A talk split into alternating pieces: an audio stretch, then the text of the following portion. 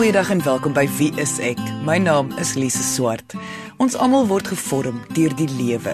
Met ander woorde, die mense in ons lewens, gebeure, gelukkige oomblikke en ook hartseer oomblikke.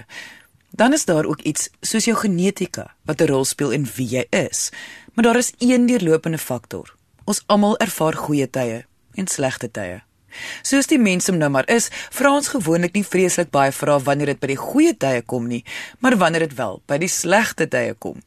Dit is hoekom ek glo dit help om soms ook te hoor hoe ander mense dinge ervaar en hoe hulle vrae klink wanneer die lewe nie meer goed vir hulle is nie.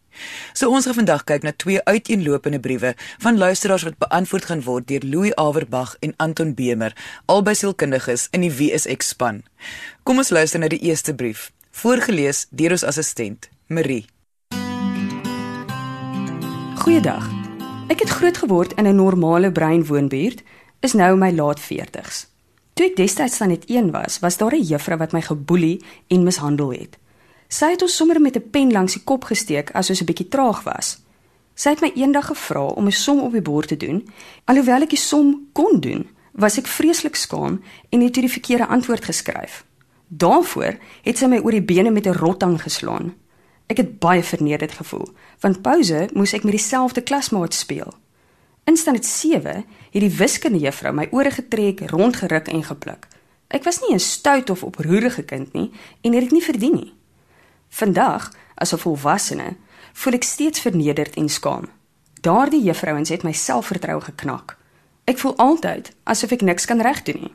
Wat kan ek doen om nie meer so te voel nie? Dankie, anoniem. Louis, die meeste mense blameer iets of iemand uit hul verlede vir hul ongelukkigheid. Maar ek is nooit seker of dit waarlik so eenvoudig is nie.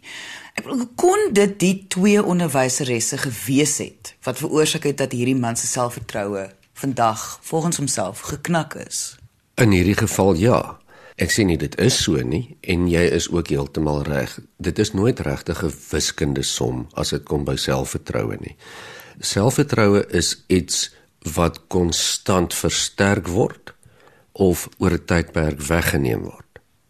En selfvertroue is iets wat gebaseer word op hoe ons sien hoe ander mense teenoor ons reageer. Dis onmoontlik om selfvertroue te hê as jy van kleins af negatiewe terugvoer van almal om jou kry. As mens kyk na die konsep van selfvertroue, dan is dit eintlik 'n toekomsgerigte ding. Dit beteken mens vertrou dat jy in omstandighede sal kan optree en dat jy sal kan regkom. Jy's nie angstig daaroor nie. Jy loop by jou voordeur uit in die oggend en as jy selfvertroue het, het jy min of meer 'n oortuiging dat wat ook al die dag met jou kan gebeur, sal jy kan hanteer. Dit kan ook baie kontekspesifiek wees, soos mense het oor die algemeen baie selfvertroue, maar as dit kom by openbare optrede byvoorbeeld, dan verloor hulle selfvertroue. En dis gewoonlik omdat hulle net eenvoudig nog nie genoeg vaardigheid het of dit genoeg ingeoefen het nie. Maar ons moet nou onthou dat hierdie briefskrywer verwys toe hy in standaard 1 was. So ons praat hier van iemand wat 8, 7, 8, 9 jaar oud was. Wat met ander woorde nog baie grootliks afhanklik is van die terugvoer van volwassenes van buitekant af. As hy 17, 18 was toe dit begin het, is dit nie 'n probleem gewees nie. Dan kan hy dit nie blameer nie. Ons kan almal onthou toe ons laerskool was en jy's 6 of 7 of 8, die juffrouens en die menere is alles.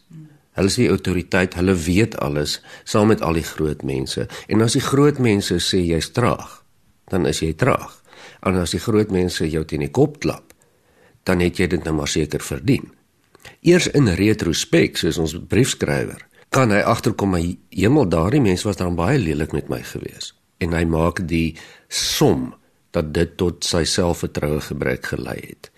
Of dit 100% daartoe gelei het of nie kan mens nou nie sê nie, maar dat dit waarskynlik die grootste faktor daarin was, lyk of dit wel moontlik is, ja.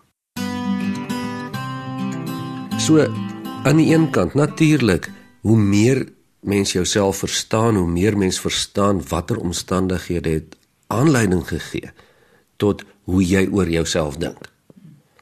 Hoe meer kan dit vir jou help om daar uit te kom uit daardie manier van dink. Maar dit is ook nie nodig nie. Weereens sê ons selfvertroue word aangeleer. En al manier hoe jy op die punt kom om om genoeg selfvertroue te hê is om dit gereeld te doen.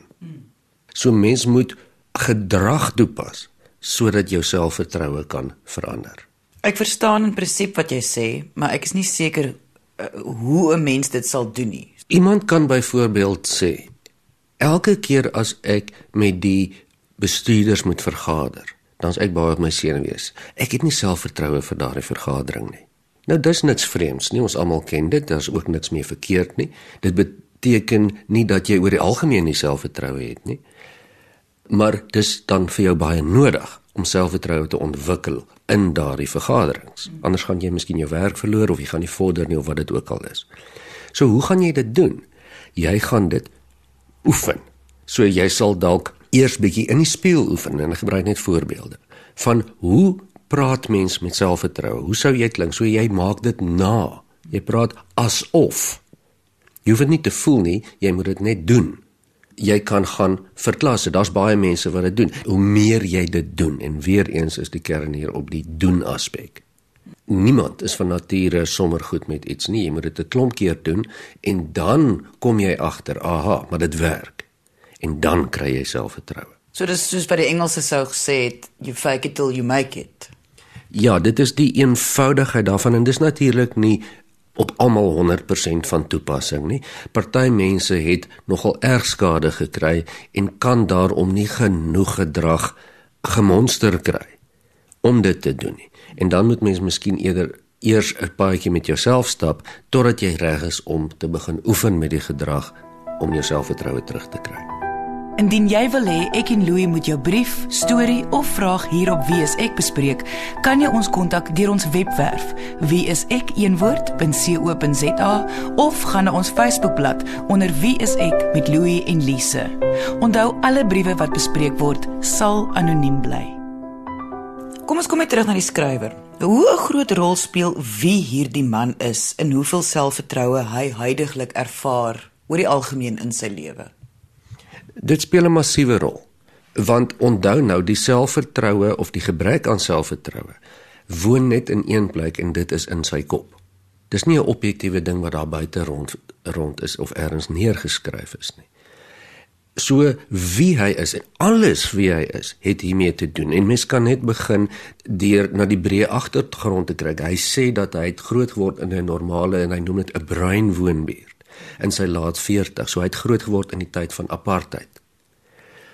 Waar mense verneder is en as minderwaardig beskou is en hanteer is. So dit moes ook 'n rol gespeel het. Maar as jy die angs moet indink wat hy moes deurgemaak het en die boodskap wat hy kry dat hy niks kan regdoen nie en hy is sommer simpel en hy's traag en hy's anders as al die ander. Wie hy verder is, jy weet, hoe is hierdie man se persoonlikheid? Is hy 'n dominante ou? Is hy maar 'n stil en skaam tipe persoon? Dit alles gaan rolle speel, heeltemal reg. In hoe hy selfvertroue ervaar en hoe dit toekomstig gaan ervaar. Maar hoe sal hy spesifiek, aan 'n ander woorde ons skrywer, wat sal hy spesifiek moet doen om te werk aan sy selfvertroue omdat hierdie net 'n konteks is nie. Hierdie is vir hom 'n uh, oor die algemeen gevoel. Ek sou reken dat hy moet begin optree asof hy selfvertroue het en ek weet dit is maklik om te sê. As hy dit nie kan regkry nie, sou ek reken daar's niks fout daarmee om 'n bietjie professionele hulp te kry nie. Ek sien nogal heelwat mense in praktyk eh, wat deur sulke tye was wat vernederd is deur onderwysers of ander kinders op skool.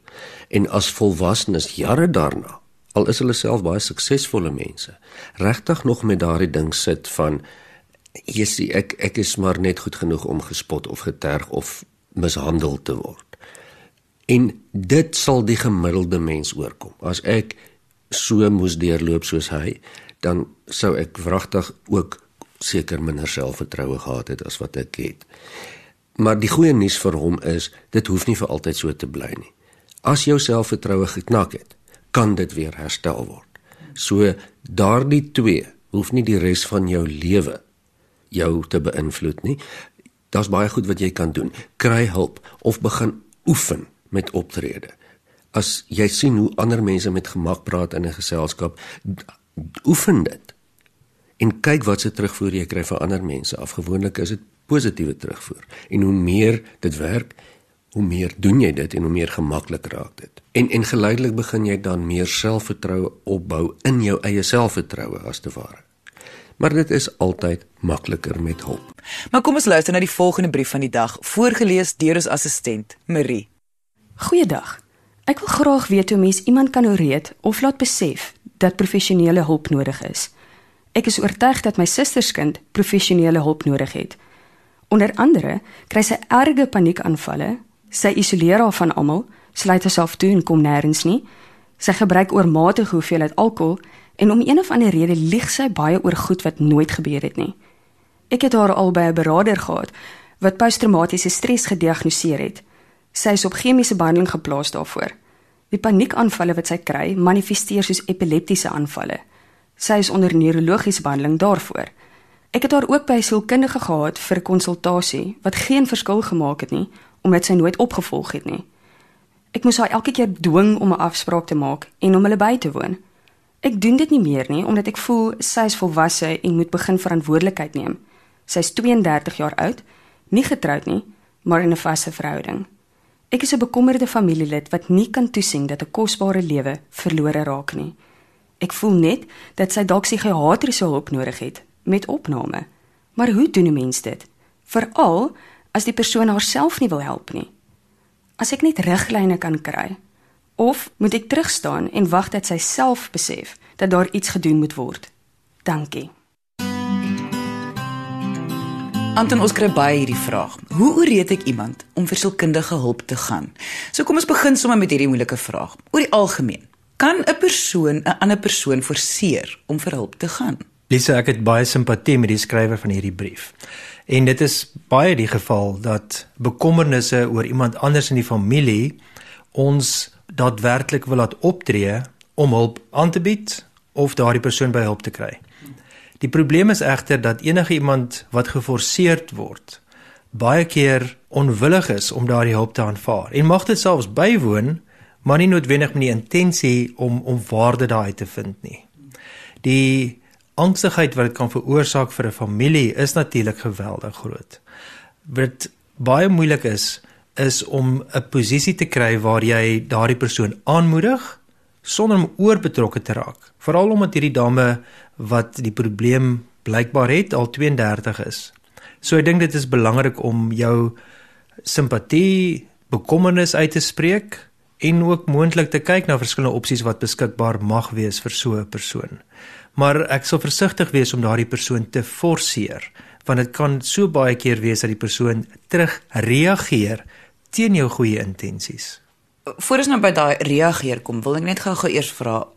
As jy dan nou sê iemand gaan vir hulp, maar hulle is dan nie eintlik betrokke daarbey nie. Is die hele punt dan nie dat dit maar dan die sielkundige se probleem is om dit dan op te los nie?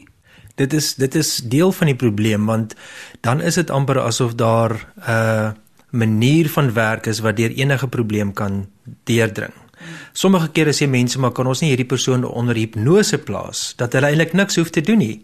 Maar ek glo weer eens dat terapie 'n aktiewe proses is waar twee persone openlik met mekaar in 'n vertrouensverhouding kan staan.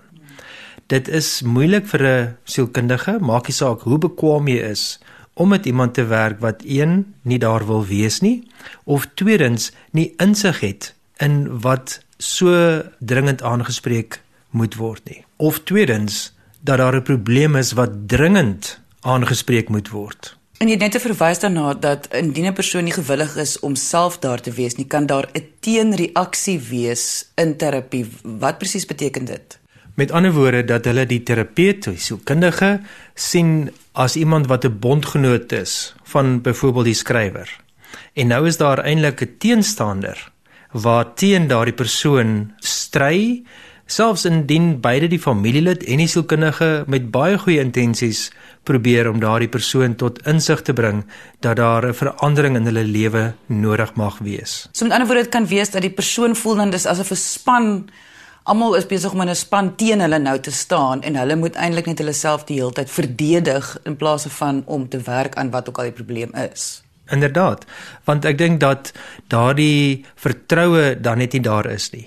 En geen verhouding kan bestaan sonder vertroue nie. As jy dan voel jy word nou ingedwing in 'n situasie dat daar verskeie persone na jou kyk asof jy nou nie in staat is om jou eie lewe reg te ruk nie, kan dit daardie persoon baie magteloos laat voel, kan dit daardie persoon voel asof hulle ontneem word van hulle eie verantwoordelikheid vir hulle eie lewe. En ek dink dit dit maak 'n terapeutiese proses baie moeilik. En dit is wat mens graag wil vermy, alhoewel mens daardie persoon graag by die regte hulp wil kry. Jy luister na Wie is ek met Louie en Lise op RSG 100 tot 104 FM. Indien mens nie iemand kan forceer nie, wat is die ander kant van die muntstuk dan? Moet 'n mens dan net ignoreer dat 'n geliefde sukkel en niks doen nie? Nee. Ek dink dit is belangrik om nog steeds betrokke te bly. Ons vind dat isolasie 'n groot bydraende faktor is tot verskeie geestesgesondheidsprobleme. Of dit gaan oor angs, depressie, wat ons noem burn-out of ander probleme ook. So dit is nog steeds belangrik vir die familielid om betrokke te wees by daardie persoon en nie noodwendig net om hulle by hulp te kry nie, maar net om omgee te wys ek ken nie al die omstandighede van die persoon uh, waarna hier verwys word nie, maar soms is dit belangrik om ook praktiese dinge te doen. Soos byvoorbeeld om te sê, weet jy, ehm um, kom ek vat jou uit vir 'n ete. Kom ons gaan ry bietjie strand toe of kom ons gaan ry en gaan sit iewers te drink 'n koffie en ons geniet met net mekaar se geselskap. So dit is nie net in terme van woorde nie, maar dit is ook die praktiese dinge wat belangrik is. Hoe jy daardie persoon ondersteun, hoe jy wys deur jou optrede dat jy omgee vir daardie persoon. Soos ek gesê het, kry ons baie briewe wat soortgelyk is aan hierdie ene. En daar's altyd daai vraag wat mense vra wat in hierdie posisie is waar hulle 'n geliefde sien wat sukkel. En dit is dat maar as ek dit raak sien, hoekom sien hulle dit nie self raak en help hulle self nie? So, wat is jou teorie hieroor? Hoekom sien mense nie self raak as daar iets verkeerd is nie? 'n moontlike verduideliking kan wees as ek teen 'n muur staan, dan sien ek net een baksteen voor my raak. Maar as ek so 10 tree terug staan, dan kan ek die hele muur sien. En baie keer is dit ongelukkig sodat 'n persoon, kom ons sê in 'n diep depressie, net daai een baksteen sien. Hulle sien hulle self in 'n donker put. Maar 'n familielid kan dalk die put sien. Hulle kan die volle muur, die volle groter prentjie raak sien. Wat ek eintlik daardeur sê is dat dit gaan ook oor insig. Iemand wat geweldig angstigheid beleef, kan nie noodwendig verstaan hoekom sekere situasies hulle so bang maak nie. Iemand wat depressief is, kan nie noodwendig 'n verduideliking gee hoekom hulle gemoed so laag is in sekere tye nie. Alhoewel dit dalk meer duidelik is vir 'n buitestander. Ek dink wat ons dan probeer doen in 'n terapeutiese proses is juis om 'n verstaan te vind van waarom sekere dinge moeilik is of sekere probleme teenwoordig mag wees in 'n persoon se lewe. En die familielid is natuurlik nou iemand wat hierdie persoon hulle lewe lank dalk al ken en kan ook sien hoe sekere probleme meer geword het oor tyd, maar vir daardie persoon in die situasie het hulle noodwendig die wyeer perspektief om te sien wat die impak kan wees van buitefaktore of miskien ook hulle gebrek aan vaardighede om daardie buitefaktore te hanteer nie. Sou dit beteken dat mens moet eintlik self meer bewus wees van wat mense van buite af vir jou probeer sê? Ek dink dit is die een kant, ehm uh, veral die mense wat omgee vir jou nie noodwendig wat almal sê nie, maar ek dink die mense naby jou, die mense wat jy weet 'n pad stap saam met jou. Hulle perspektief kan baie waarde toevoeg en dit is weer eens wat ons in terapie probeer doen, is om 'n ander perspektief te kry op probleme, om dit meer hanteerbaar te maak, om daardeur te kom, al is dit nie noodwendig dinge wat ons altyd self kan wegvat nie. Die dame in hierdie brief is onder behandeling deur 'n neuroloog byvoorbeeld, het 'n sielkundige en 'n beraader al gaan sien en is nie noodwendig dat daardie persoon aanklank gevind het by van daardie persone nie. Maar ek dink weer eens dit is belangrik om daardie perspektiewe iewers te, te gaan oordink. Om net te sê maar weet jy hierdie persoon het nie noodwendig iets gesê of gedoen om my te benadeel nie, maar het met 'n opregte poging gekom om van hierdie probleme wat ek ervaar ligter te maak of vir my dalk sekere hanteringsmeganismes te gee hoe om dit te hanteer of verantwoordelikheid daarvoor te neem. So daar is altyd verskillende perspektiewe op 'n probleem. Daar's nie net een nie, maar baie keer is die probleem dat mense in een perspektief vasgevang raak. En dan is daardie groter prentjie moeilik om regtig te waardeer. Anton, hier is jou geleentheid nou om direk met die skrywer te praat of enige iemand wat ook graag 'n geliefde wil help om nodige hulp te kry. So, ter opsomming, hoe ooreed jy iemand om vir hulp te gaan? Perspektief is baie belangrik. Om te weet dat die persoon te midde van 'n slegte situasie nie noodwendig met jou oë kyk na daardie situasie nie. Hulle het hulle eie perspektief daarop en hulle probeer dalk so goed as wat hulle kan 'n balans handhaaf. En ek dink om dit ook uit te spreek teenoor daardie persoon om te sê weet jy wat ek waardeer dit wat jy doen en ek kan sien dat daar seker daar is wat baie moeilik is vir jou maar ek is altyd hier vir jou as dinge te veel raak bel my dag of nag as dinge te veel raak hier is dalk 'n organisasie of 'n persoon ek weet jy kan op daardie persoon se nommer druk daardie is wat jy wel kan doen en ek dink dit is dan om te sê ook dalk vir die persoon self ek wil nie te veel inmeng in jou lewe nie, maar dit is my moeilik om net terug te staan. So gee daardie inligting weer, maar dan gaan jy ook moet terugstaan. En sê vir hulle ons het nou al hierdie opsies geprobeer en dit was nie noodwendig almal so suksesvol nie, maar daar mag dalk ander opsies ook wees.